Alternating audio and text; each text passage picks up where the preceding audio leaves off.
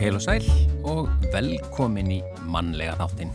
Í dag er miðvíkudagur og það er 3. janúar. Já, það er 3.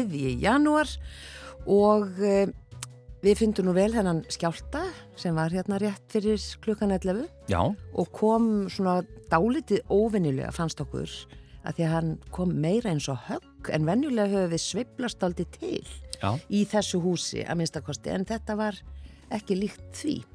Nei, hann var snarpur. Já, eins og einhver hefði keirt á Já. útashúsið. En við sjáum hvað setur og það vil svo skemmtilega til að Einar Sveinbjörnsson, veðurfræðingur, er að koma til okkar í veðurspjall og uh, hefur nú eflust eitthvað um, um þennan jarðskjöld að segja. En annars ætlum við að spjallum andstæður í veðrinu um þessar myndir, myllt í Norður Ameríku en fáheirðar frosthörkur í Finnlandi. Og svo einni uh, hægláttu veður hér á Íslandi. Og við ætlum að tala um norður Atlans, Atlanshafs sveipluna og hvernig líklegt sé að hún móti veður á Íslandi að minnstakosti fram eftir janúar. Þannig að þetta er svona nokkus konar já, framtíðar eða framtíðar spálpælingar. Já, já. Uh, við fáum fyrsta postkort ás, ásins uh, frá Magnús R. Einarsinni og í dag ætlar hann að segja frá hátíðahöldum um jól og áramót í eigum og ætlar að segja okkur líka frá ljósmengun en ljósmengun trublar líkamsklukkuna og eigur líkur á ýmsum sjúkdómum. Hann segir líka frá París sem er fyrirmynd flestra borga vegna skipulags og borgarlegs lífverðnis og í lokin segir Magnús að ferðalögum sínum á liðinu ári og þá sérstaklega af þeim nýju ferðum sem hann fór til Berlínar í Þýskalandi. Svo er það vingill frá Guðunni Helga Ólafsinni og að þessu sinni e, fjallar vingillin um að e, ákveða að það sem að þarf að gera sé skemmtilegt og um áramóta uppgjörið, svona eins og það horfir við sjálfstæðum atvinnureikandum. Svo kemur Guðun líka aðeins við e, um gamalt og nýtt drast alltaf fjalla aðeins um það og vandamál sem tengjast gangtröflunum gamalla bensinvíla. Já, við byrjum á tónlist eins og alltaf þetta er South River Band og lagið Shatti Molo.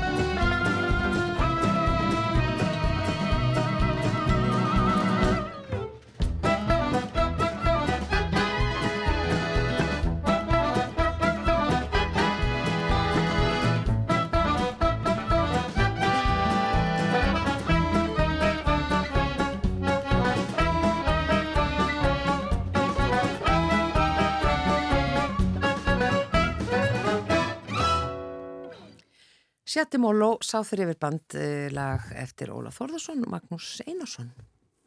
Já, eh, Einar Sveinbjörnsson, hann er komin hinga beint í kjölfar skjálta, velkomin til okkar og gleðilegt ár. Já, ég er svona ekki gikkur, gleðilegt ár. Nei, Þú ert gleðilegt ár. ekki kikkur. En fannstu skjáltan? Já, já, ég fann hann bara standað úti, svona einhver titring. Já, og þú sagði þetta var gikk skjálti. Já, ég, ég er, er, verður það ekki teljast líklegt, sko. Það Sem er svona, svona í öðrónum, eins og jærfræðingarnir kalla, kalla þessa skjálta sem að verða þegar að verður spennurlosun vegna kvikkuþrýstings í, í, í öðrónum, Já, já, í kring, sko. já, já. Ekki bara vísbendingum um það að kvikkan sé að þrýsta og segja bara ég vil komast út. Já. Mm, banka dittnar. Bankvættinnar, já. Hvað heldur sér langt í það? Það verður aðrómöld að segja, það er kannski dag, kannski morgun, kannski vika, kannski ekki. Þetta er alltaf þetta, já, Þetta er alltaf- það er bara... Kannski fyrir norðan, kannski fyrir sunnan. Þetta er, Nei, nei, ég held að menn sé nú klárar á því hvað er að koma upp. nú, já, já. Já, Já, fræðingarnir, eru- þeir, þeir vita sínu viti. Já, já. já. Og allir gera sitt besta en ómögulegt, engin veit nákvæmlega hvernig, hvernig náttúran spilar úr þessu. En við ætlum aðeins að tala um já, andstæður í veðrinu um þessa myndir eh, og fáherrar frosthörkur til dæmis í Finnlandi. Já, það búið að vera núna alveg frá því fyrir jól og reyndar í Skandinavíu alveg síðan um miðan nómabur mjög kallt en eh, sko handan allarsafsins til dæmis í Bandaríkjunum og Norri í Kanada þá hafa menn ekki upplifað jafn mikið hita almennt séð á landsvísu í Bandaríkjunum um, um jól í, í, í háaherrans tíð. Já, Það voru, bara mi- það voru mikið hlýjindi þar svona, ef það er þetta að tala um hlýjindi að vetri, það voru allavega langt frá því einhverja frostörkur Mm. Og, og sérstaklega í norður og norðaustur héröðunum norðustu fylgjónum í bandaríkjónum en svo er þessir, þessir miklu kuldar svona gamaldags kuldi í Skandinavíun sem maður segir sem að voru algengir hér áður fyrr og hefur ekki borið mikið á á, á síðustu árum og áratugum. Og hérna og þetta er sko þetta er ekki þannig að það sé kallt loftendil á að koma austan og Sýberíu heldur. Hefur bara hagað þannig til að það hefur náða að kólna í, í Norður-Európu og í Skandinavíu og sérstaklega í Norður-Svíþjóð og í Finnlandi og bara núna í nótt að þá fór frostið eh, í hérna nýrst í Svíþjóði lappa héröðunum eða sama héröðum Svíþjóðar uh, niður í 43 3,6 stig Vá. Vá. á veðustöð sem heitir Kvikk Jokk Aren Jarka Já. Já, og hérna það er búið að mæla frá 1901 og þetta er mesta frost sem að- þar hefur mælst í, í hérna sögumælinga og, og gamla metið er sko frá janúar 1918 sem er okkar gamli frostavitur já, þannig að hann hefur verið víðar. að sló það met sko. Vá, Þannig að þetta eru þetta allir tíðindi sem feilast í þessu og, og í raun og veru er, er jáfnvel verið að spáði að vera enn kaldara í nótt og á morgun, 4. janúar.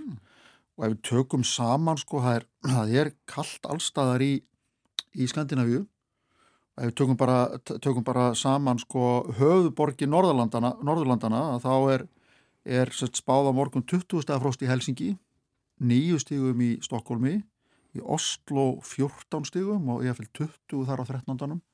20, eða ég- já 20 og ég fylg alveg niður í 30 e, þar inn til landsins í Kaupmannahöfn að þar er núna þar er spáð mínus einni og það er, það er hríðar veður í Danmörku og, og hérna verður í dag og til morguns það er bara svona venjuleg hríð með hita í kringu frósmarki og, og, og vindi og skafreiningi og ég sé það núna hérna á, á því ágæta blæði Ílandsposten því að það er nú vest í kringum árósa að það er komin svona einhver hernaðartæki einhver hálfgeiri skrittar ykkur út á götum til að aðstofa fólk en skilabóðum þar í morgun voru bara haldið ykkur heima og verið ekkert að fara út. Já, já, lendi bara í vandræðum Já, þetta eru sem sagt, þessi tæki koma bara út á ófærðinni. sem þau koma sennilega út á, út á ofarið það er herinni kallaða til sko. það, er Já, ekki, já. það er ekki björgunarsveitir í Danmörku það er bara svo herinni kallaða til Já, já. svo er, er hérna fimmstegafrost í Nók sem þykir nú ekkert mikið þar Nei.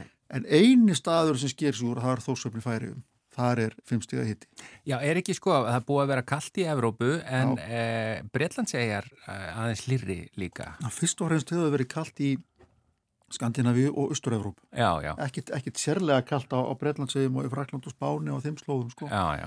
þannig að þetta er ekki eins og stundum gerist köld tunga sem að kemur rólega flæðir og austri og inn yfir alla Evrópu það er eins og er ekki lóku fyrir það sko því að það geti gerst Nei. e, síðari vetur eða á næstu vikum Mm Það er búið að vera svo, uh, já, dálítið mikið frost á Sauðárkróki. Hefur það ekki verið dálítið óvenjulegt? Jú, tölum við ekki eitthvað um það síðast, mér minni það 24 gráður, Jú, það fór, fór í hérna frostið fór nokkur sinnum yfir 20 stig. Já. og, uh, og sko áður var mælt á bergstöðum og sem er aðeins fram að við Söðakrók og nú er mælt á, á hérna Söðakróksflugvelli, það er svona flugvellun eða aðstæður, það er svona hálkir kuldagildra, kaldara það er en, Pollur.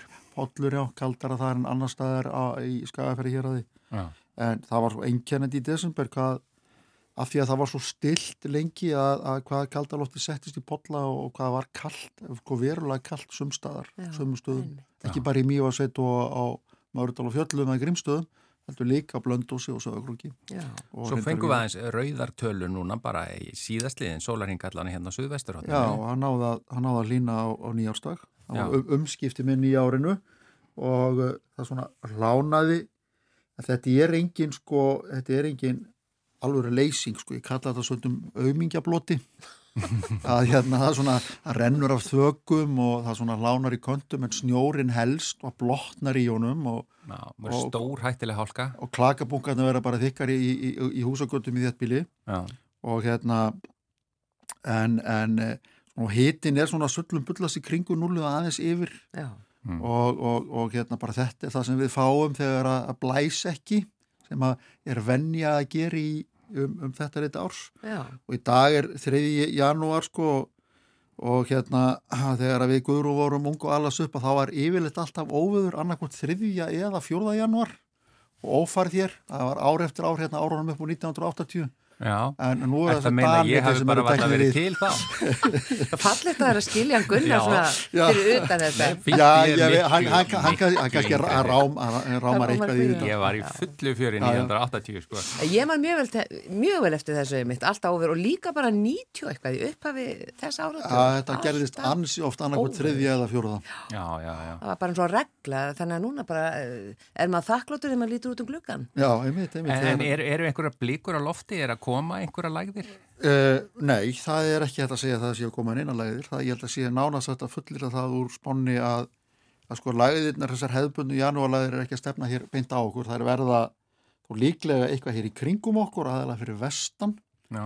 En uh, það er þessi, þessi sko, þessi sveifla eh, hér á okkar slóðum sem kallast norður allarsasveiflan sem við horfum dálítið til og, og hérna þegar hún er í ákvæðum fasa þá er yfirleitt stormasamt og, og vetraveðrótta sem að ríkir hér eh, kannski eh, tíðskipti hitans frá kvöldum dugum og yfir í hlýjadaga með rigningum og blótum og láganþrýstingi og stormum. En síðan þegar að norðurallasasveiflan verður neikvæð þá snýst þetta dálítið við og þá verður háþrýstingur hér í kringum landið hlýtt uh, með vesturströndi Grænlands eða vetar hlýjandi þar en, en kólnar þó gjarnan í vestur-Európu þar sem að læðirnar sem fylgja norður allarsasveiflunni í ákveðan fasa bera myllt allarsaslofti lengst inn í Európu.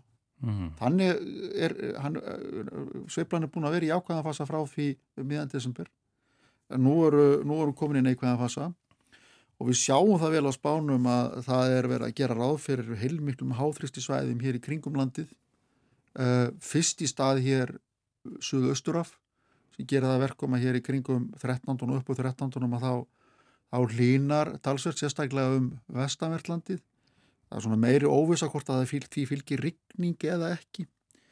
En, en svona þegar, þegar framlýða stund er að þá færist eh, hæðin eða hún flytur sem set meira yfir Grænland og þá fáum við norðanóttir.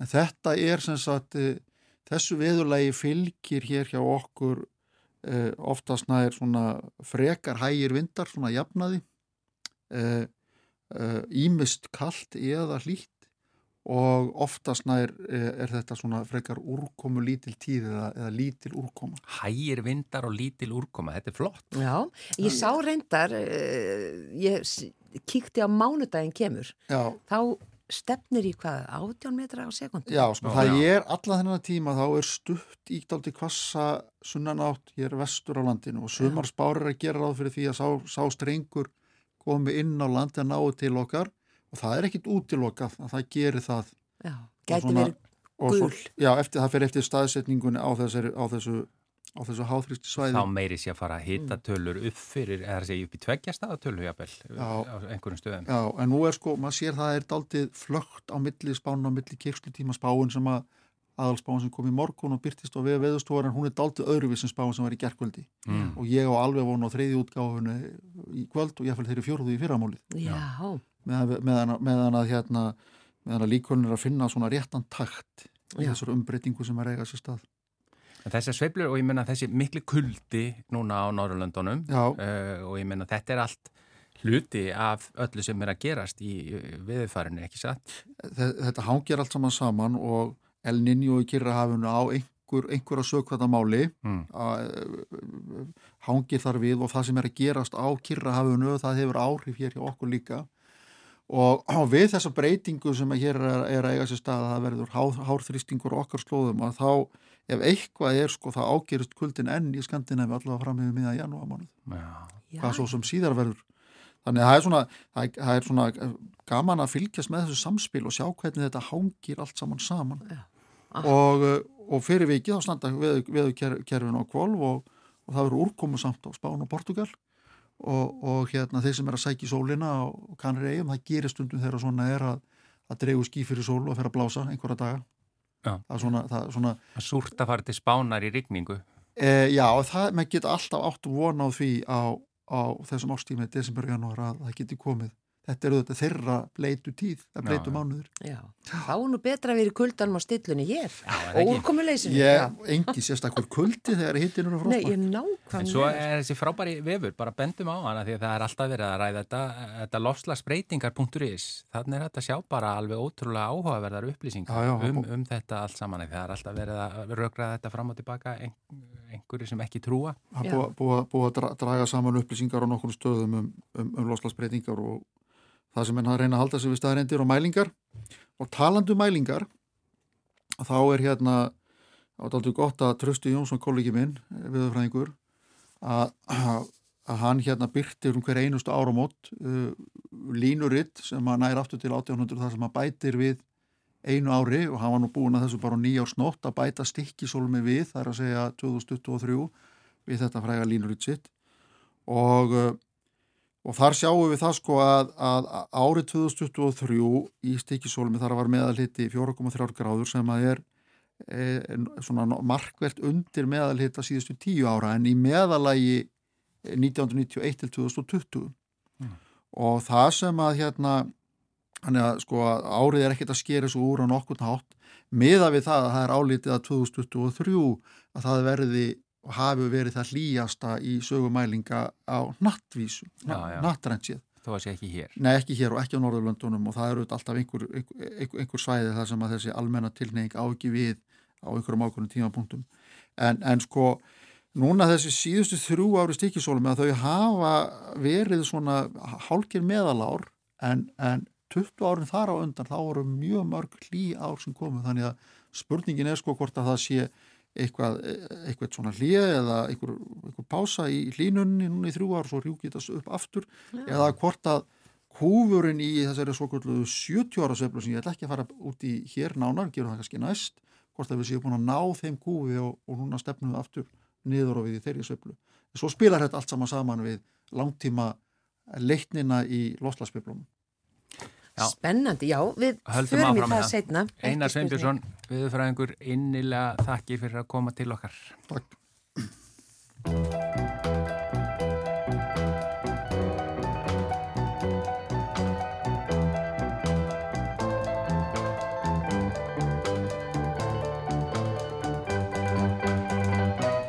Horðu á mánan, horðu á sæn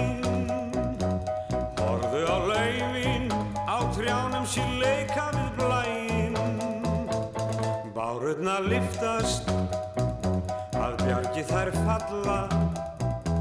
Brosandi stjörnur blíka skært þær segð og kalla. Horðu á mánan og hugsaðum dægin Er hýttumst við tvöin hér nýður við djúbláan sæin Höfug sig nótti og hljótt ég við þig sagði horðu á mánan. Horðu út á sæin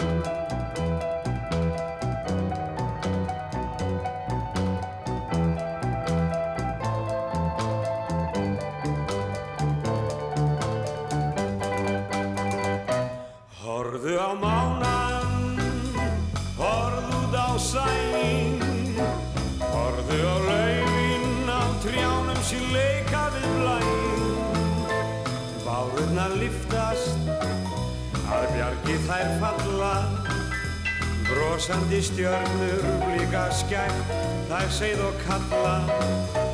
Horðu á mánan og hugsaðum dægin Er hittumt við tvöin hér nýður við djúbláan sæin Höfug sig nóttinn yfir lagði og hljótt ég við þig sæði Horðu á mánan, horðu út á sæin Horðu á mánan, horðu út á sæin Horðu á mánan Haugur Mortens eh, söng þetta lag Horðu á mánan. Eh, lagið er erlend en textin er eftir Pálmar Ólason. Þetta var hljóðritað í Kaupmannhöfn 1968. Já, það passar alveg. Ég, var, ég er einmitt að lesa, ég æfi svo uh, Papa Jazz sem spilaði þarna á trommur lengi með Hauki Morten, Solhjómsveit og þeir fóru bara vítt og breytt um, um Norðurlönd, spiluðu mikið í Finnlandi til dæmis Já. og Kaupanhöfn. Nú komið að postkorti frá Magnúsi R. Einasinni. Heil og sæl og gleðilegt farsælt nýtt ár. Hér í eigum var jólaháttíðinni fagnað með mikill í ljósatýrð og rólegu veðri eftir stormasama daga, dramatíst ankeristap og óta við vastleysi, óta sem gerði strax vart við sig. Eldri eigaskeikjar tóku strax að rifja upp sögur af vastleysis óttanum sem var landlægur í eigum áður en Vastleisland sem var lögð 1968 tók að dæla fersku, góðu vatni frá fastalandinni og hellingaði. Það sagt að nýri kynnslóður í eigum hafi ert vassvennur hinna eldri meðal annars með því að bröðla ekki með vatn. Og ljósagangurinn um áramótin var stórfenglegur í lengt, dýrleika og ákafa. Hér byrja menn reyndar að skjóta upp fliguldum snemma, jafnvel um hábjartan daginn nokkuð sem ég held að sé bara eins og of brátt eitthvað. Menn ná ekki að hemja sig og það er byrjað að skjóta bara háti jafnvel tveim dögum fyrir gamlóstag. En ljósmengunin er algjör þessa dagana í Vestmanneigabæ en það er samt huggun fyrir þá sem vilja til að mynda að komast í stjórnuskoðun þá er stórhöfðin magnaður og ljóslaus. Það var fullt tungn fyrir nokkrum dögum og vel ratfært í mánaskinni, nokkur kvöld og nætur og tilvalin göngutúr. Og stórhauðin í Vestmanniðum býður upp á glæsilegan sjóndildarhinga, einn af þeim flottustu í heiminum. Það eru fáir jarðarbúar eins hefnir og Vestmanniðingar að þessu leiti að geta búið í björtum bæ eða borg og geta á nokkrum mínutum komist í myrkvaðan höfða með viða útsýn yfir hafið. Að vísu viðrar sjaldan vel til stjórnugláfs á höfðanum stóra. Það verður að viðurkennast. En ljósmengun fer annars hratt vaksandi hér í heimi og einhver staði las ég að 80% jarðarbúa gætu ekki lengur séð vetraðbrautina vegna hennar. Í bandaríkjónum er hlutvalli sagt 99%. Ef menn vilja sjá The Milky Way þar vestra þá verða þeir að fara út í eigðimerkur þar sem enginn getur búið og ekkert er gerfiljósið og enginn mengun af því. Um aldir alda hefur allt líf á jörðinni verið í stöðugum rytma dags og nætur, ljós og skugga. Þá var jafnvægi í svefni og vöku í allri náttúrunni, reglulegar breytingar á blóðþrýstingi, hitastíi og hormonaflæði hjá okkur mönnunum til dæmis, en ekki lengur. Það er ekki nema rétt rúmlega 100 ár frá því að ramasljósin tók að breyta þeirri náttúrulegu hrinjandi. Núna er unni lengur, það er hægt að sinja hverju, það er hægt að sinna hverju sem er, hvena sem er, sólarhingsins, þakk sé ramagninu. Gerfiljósin, ramasljósin eru reyndar bæði blessun og bölfun í senn. Líkamsklukkan okkar sem stjórnast af ævafornum rytma Hún þarf að vera í jafnvægi, annars getur það valdið stressi, orkuleysi og sefleysi. vanhilsu. Þegar líkansklukkan trublast þá eigur það líkur á allskyns leiðilegum sjúkdómum eins og sykusíki, krabba, offittu, hjarta og æðasjúkdómum og svo framvegis. Fyrir okkur sem búum hér nordur við heimskautsbaug eru sveiplur í ljósi og rökkri öfgakendar og það var og þess vegna er nú gott að geta dreyið fyrir glugga um sömanætur og láti ljósin loga á vetramórnum og kvöldum. En við þurfum ekki fleiri hundruð vatta lýsingu til flestra starfa innandira sem utan. Mórallinni í þessari sögur kannski sannilega sá að maður á að draga úr gerfilýsingu ekki endilega til að spara heldur til að hlýfa heilsunni, sjónin ekki síst. Enda eru margar borgir í ýmsum löndum farnar að taka sig á og draga úr lýsingu vegna líðhelsu. Ég tek hins vegar eftir því að hér í Vestmanneja bæ er kveikt á göduljósum í aftum nætur sem daga og það finnst mér svolítið sérkennilegt. Ég bjó í Parísarborg fyrir nokkrum árum og svo borg hefur verið kölluð Borg Borgana vegna þess að hún markaði þáttaskil í borgarskipulagi sem flestar borgir og bæir heims hafa lært af og notast við. Í París er ekki bröðlað með ljós og ramagn og aldrei sá maður götuljós loga í dagsbyrtunni.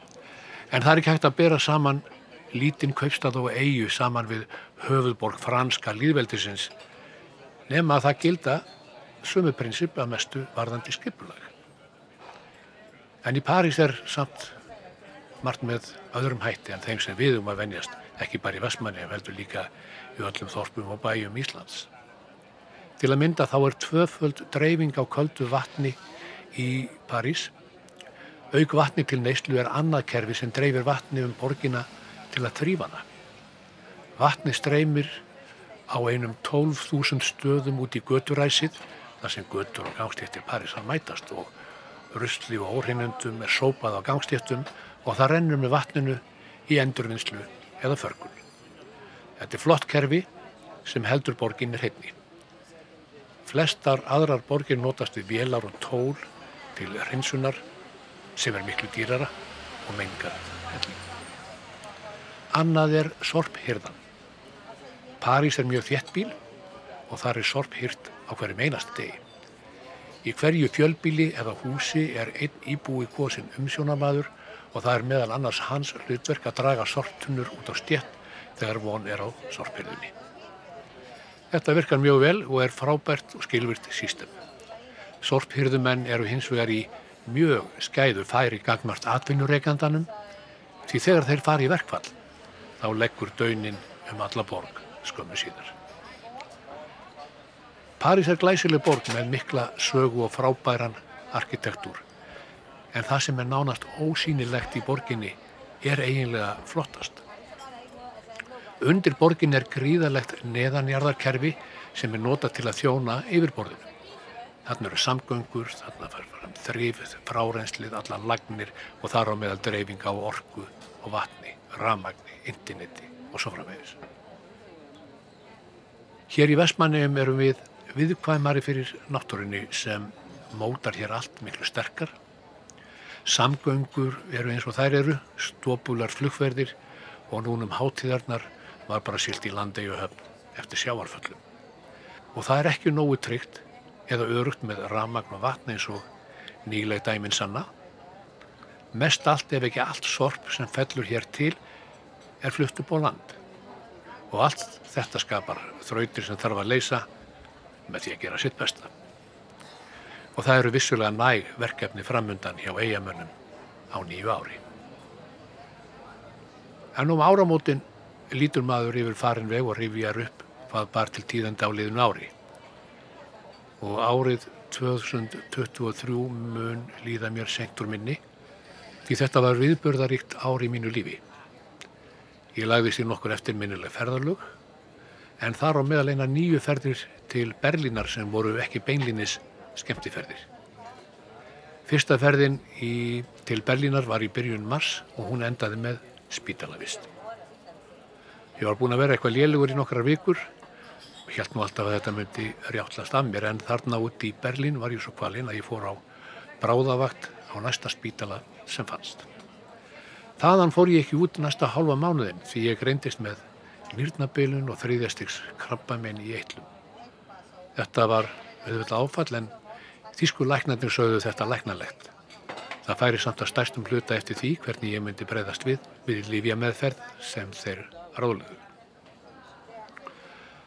Og það var úr að ég fór til líflækninga til Berlinar áttasinnum og svo einu sinni enn til rannsóknar eftir það til aðtúa hvort lækningin hefði lukkast.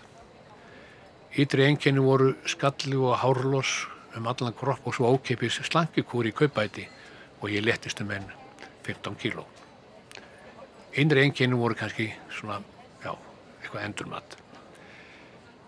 Sumarið 2023 var óvissu tími fyrir mig og mína nánustu. En á lokum lukkaðist þeim þýsku að lækna mig og nú hafa tvær rannsóknir sínt að meinið er horfið á öllum vikstöðum. Ég ætla ekki að hafa þessa sjúkrasögu lengri en það hjálpaði mikið að eiga góða að. Són minn og sýstur mína sem búa í Berlín og ekki síst sambíliskonu sem er flugmælsk á þýsku og gjör þekkir þýst samfélagi og fyrir það allt er ég þakkláttur. Einni í íslenska sjúkratryggingakerfinu sem ég kann leita til í þessum veikindum og líka vil ég þakka krabbavörn mestmanneinga fyrir stöðningin. Mín reynsla af þýska heilbyrðiskerfin er afskaplega góð og eflaust margt þar sem okkar íslenska geti lært. Af því, víst ég við. Bestu kveðjur og góða stundir á nýju ári.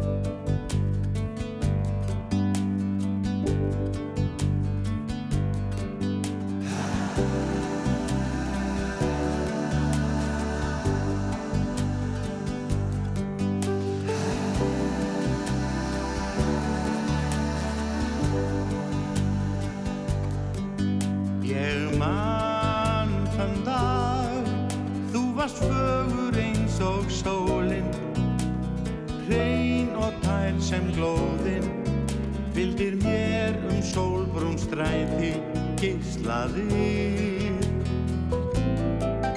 Ég gísti þig Lítinn koss sem aldrei gleimist Því hann eldir mig um heiminn Sem snýst um Guð og sjálfan geiminn Þig og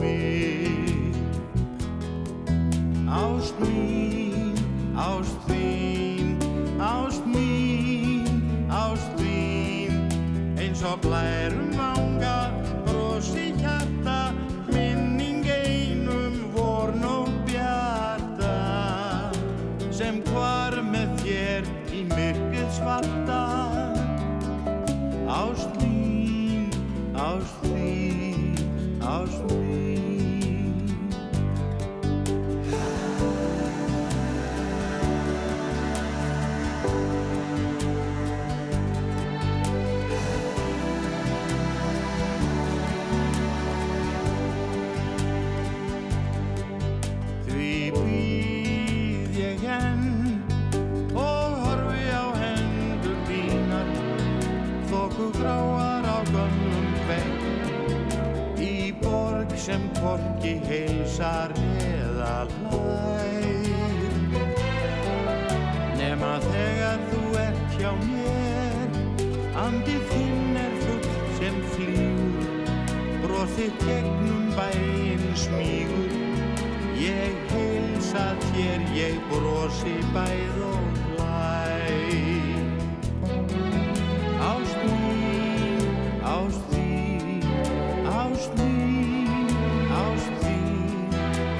some land.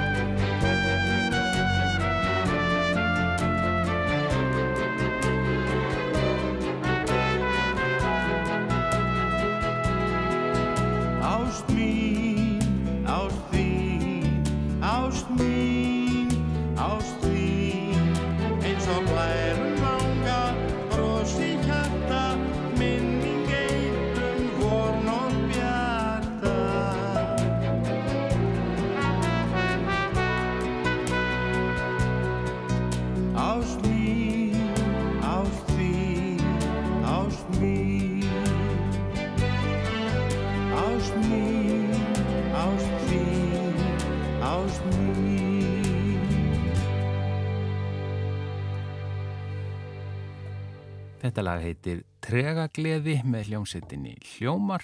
Eh, Gunnar Þórðarsson samtiða og textan Einar Már Guðmundsson. Og þá er komið að vingli frá Guðjóni Helga Ólafsinni. Ágætu hlustendur. Jæja, nú eru jólinn farin að berja nestið. Fjórir dagar í þrettándan og þá verða allir sótraftar úr alþýðu trúnni á sjódregnir. Álvar og tröll, gríla, leppalúði, jesúbatn og jólasveinas og fátt eitt sinn og nefnt.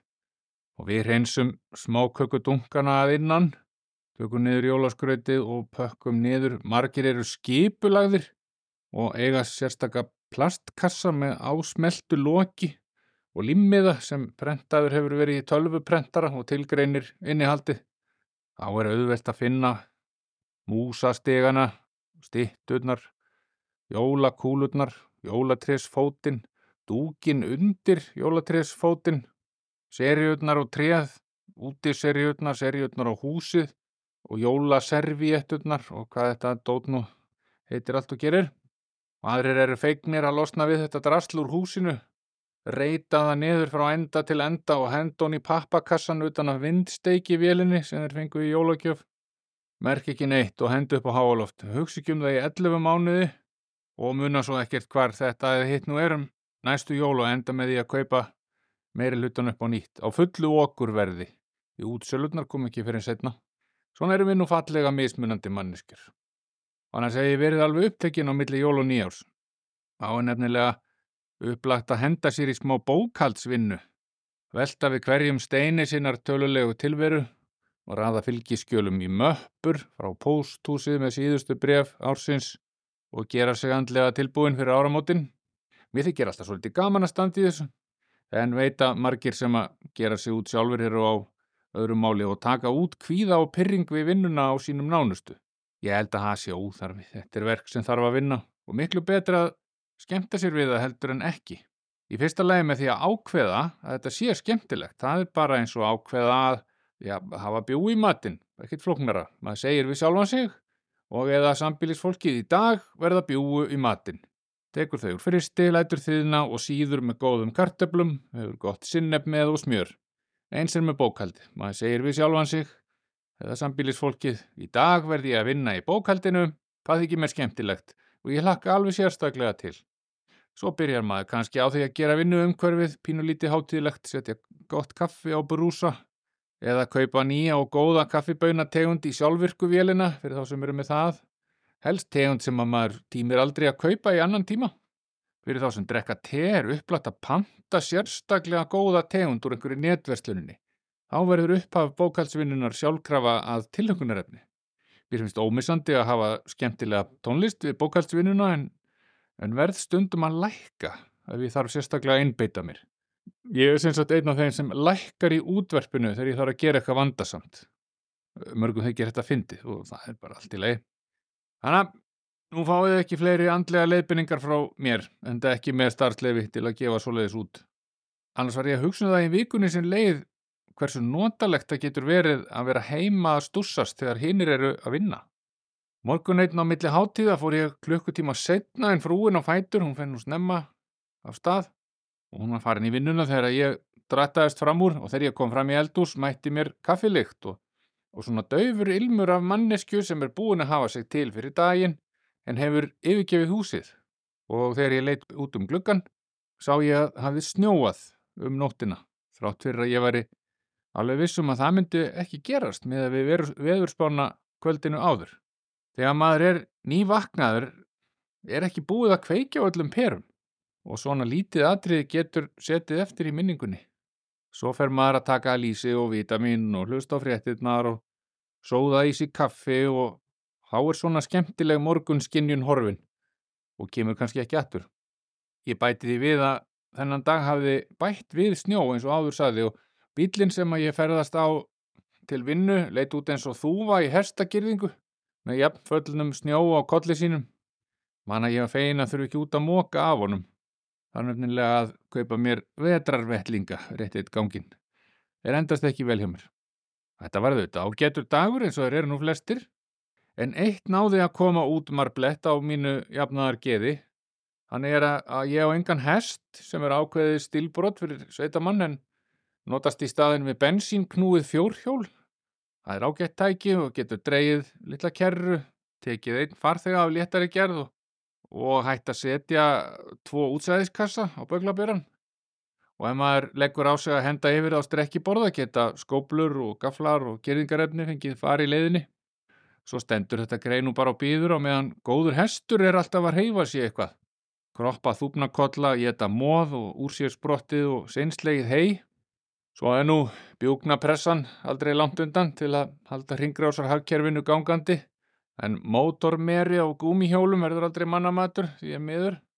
Og fjórhjóli vil bara bensín að geta saman við loftið sem það sígur í sig og helst í hlutföllunum 14,7 einingar súröfnis á móti einni af bensíni.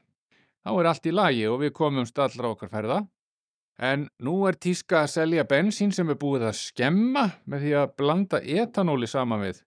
Etanól eða etílalkohól getur alveg brunnið í vennilegri bensínvél en þá þarf hlutfall eldsneitis og súröfnis að vera nýja á móti einum.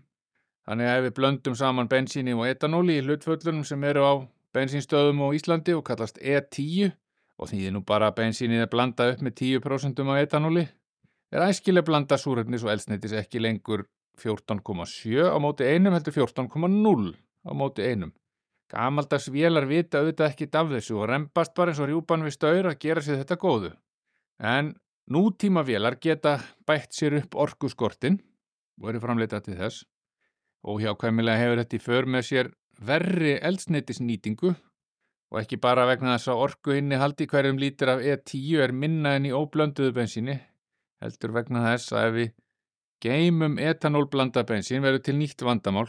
Vegna þess að óblanda bensín hrindir frá sér vatni, þá vil segja að ef raki kemst í bensín, söpnast vassamyndirnar saman í sístækkandi dropa. Það eru þetta vandamáli sjálfu sér þó í litlu mæli megi blanda própanóli saman við og láta vélarnar drekka þannig sullið. En etanól og vatn blandast og bara mjög vel með að segja. Og ef við notum bensínvílar sem eru framleitar án þess að gera ráð fyrir 10% etanól blöndu munu bensínleðslur skemmast, blöndungar fá miklar innvortis útvellingar sem aftur mun leiða af sér mun verri eldsneitisnýtingu og endingu muni þær hægt að verða notafir. Nú er í sjálfu sér auðvelt að taka höndum um höfuð sér og róa frem í gráðið í geðshræringu vegna þessa en við sem eigum svona gamalt dót getum enn keift 98 oktana bensín. Það er að vísu miklu dýrara en hitt sullið, en kannski minna vesen hefur uppi staðið. Við getum líka keift okkur alls konar bæti efni sem eiga samkvæmt framleiðendum þess að koma í veg fyrir að etanólið fúlni vegna loftarakans sem óhjagkvæmilega mun blandast því þegar bensín eigðist af töngum og súröfni kemur í staðin og vernda leiðslur og dælur og blöndunga og drasl. Á ég svo leiðis bæti efni? Já, ég á heilan kassa, keipti hann um leið og hægt var. Man ég eftir því að bæta bæti efninu á tankin? Já, auðvitað. Eða var það ekki annars? Það kannski glemdi ég því allavega gengur mótor mér en ekki halvan snúning núna fretar við hvert fótmál og stingur sér bara maður ætlar að hleypenni. Þannig komið eitt verkefnið enn sem fylgir því að vera alltaf að vesinast með eitthvað gamalt drasl. Það er sannlega minn ekki lesarhæll, ef einhver. Konan mín segir að ég sé sérfræðingur í gömlu drasli. Ég held lengi vel að það væri hrós en nú eru farnar að renna á mig tvær grímur. Kannski er hún bara að stríða mér. Það er ekki ómulögt. En ég verð þá bara gangast við því ef ég hört fyrr og vona það besta. Að vera sérfræðingur í gömlu drasli getur komið sér vel, sérstaklega ef maður er með mikið af slíku í sínu nær umhverfi. En tilfellið er að á markaðstorg heimsins er í sífellu borið nýtt og nýtt drasl, jafnvel rusl. Þetta kaupum við og við sjáum þetta óskup vel í kringum jólaháttíðina, þessi ósköp af nýjum hlutum sem auglistir eru og við verðum að eignast til að vera gjaldgengi í samfélagi síðaðra manna. Þetta tekur sinn toll af auðlindum jarðar sem eru nú ekki ótæmandi, eins og við vitum. Ganski er sniðugt fyrir þá sem eru með dótadellu að nota gamla dóti sitt aðeins lengur. En siðferðis pistill frá mér um svona lagað eru þetta einskis virði. Ég er sífælt að falla í fristni og kaupa einhverja tóma vittlausu. Og kannski eru þið ekkert skárið heldur. En gleðilegt ár, kæru lustendur. Takk fyrir að fylgjast með okkar mannlegu þáttum í vinkli dagsins. Góðar stundir. Já, fyrsti vingill ásins 2024 frá Guðjóni Helga Ólafsinni. Já, og þá er þessum þætti lokið þennan miðvíkudaginn. Við verðum hér aftur á morgun, 4. janúar. Þá er 50 dagur. Já, uh, við þakkum bara einlega samfélgina. Verðið sæl.